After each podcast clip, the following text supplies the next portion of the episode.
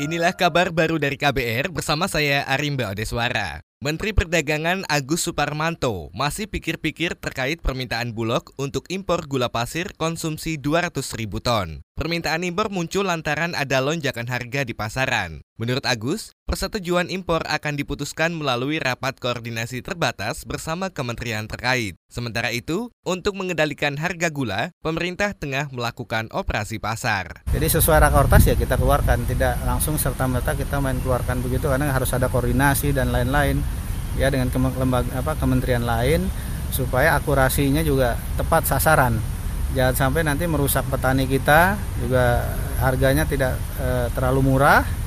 Tidak murah juga tidak boleh terlalu mahal ya apalagi terlalu mahal ya. Jadi Bulog mengajukan dulu ke Kemendak nanti Kemendak rakortas Ya setiap gitu, begitu ya pasti semua ini ada pengajuan melalui rakortas itu tadi Menteri Perdagangan Agus Suparmanto. Sebelumnya, Bulog mengusulkan impor gula konsumsi lantaran stok menipis dan harga mulai naik. Sementara musim panen tebu baru terlaksana Juni atau pasca lebaran. Harga eceran tertinggi gula pasir konsumsi seharusnya hanya Rp12.500 per kilogram. Namun saat ini, di pasaran sudah mencapai Rp14.500 per kilogram.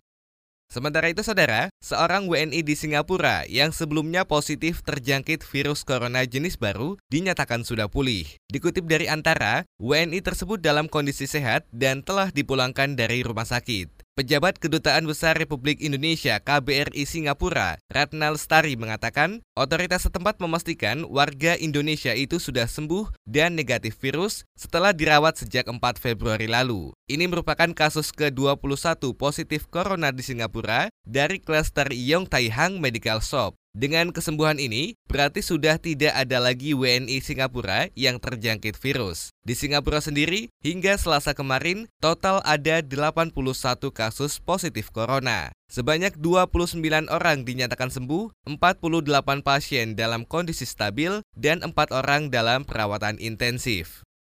Beralih ke informasi lain saudara, pimpinan Komisi Pemberantasan Korupsi KPK tengah mempelajari surat keberatan bekas penyidik KPK Rosa Purbobekti karena dipulangkan ke institusi Polri. Surat keberatan Rosa yang berpangkat komisaris polisi diterima KPK pada Jumat pekan lalu. Juru bicara KPK Ali Fikri mengatakan pimpinan akan segera menyampaikan jawaban kepada Rosa. Nanti kemudian pimpinan akan menjawab uh, surat keberatan dari Mas Rosa tersebut dan nanti akan disampaikan kepada yang bersangkutan.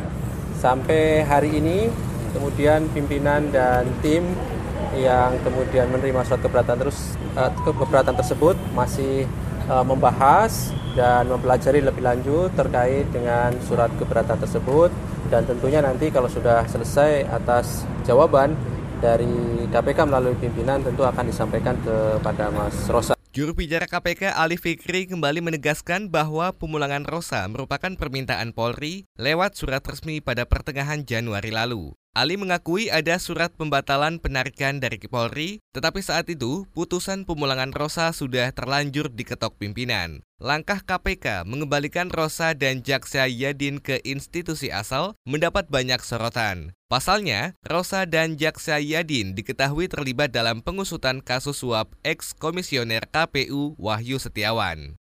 Beralih ke Papua, saudara, Polda Papua bakal mengintensifkan patroli di media sosial selama tahapan dan masa kampanye pilkada serentak yang digelar di tujuh kabupaten. Direktur Reserse dan Kriminal Khusus Polda Papua, Riko Taruna Mauruh mengatakan, Patroli bertujuan mengantisipasi penyebaran kabar bohong atau hoax dan ujaran kebencian melalui medsos. Kata dia, tim Cyber Polda didukung teknologi memadai termasuk untuk mengidentifikasi lokasi dan identitas penyebar hoax. Kebetulan ada alat kita yang harus kita upgrade di dalam rangka uh, pemilu kada. Nah, jadi alat-alat yang apakah itu DF, Celebrate itu akan kita update, upgrade.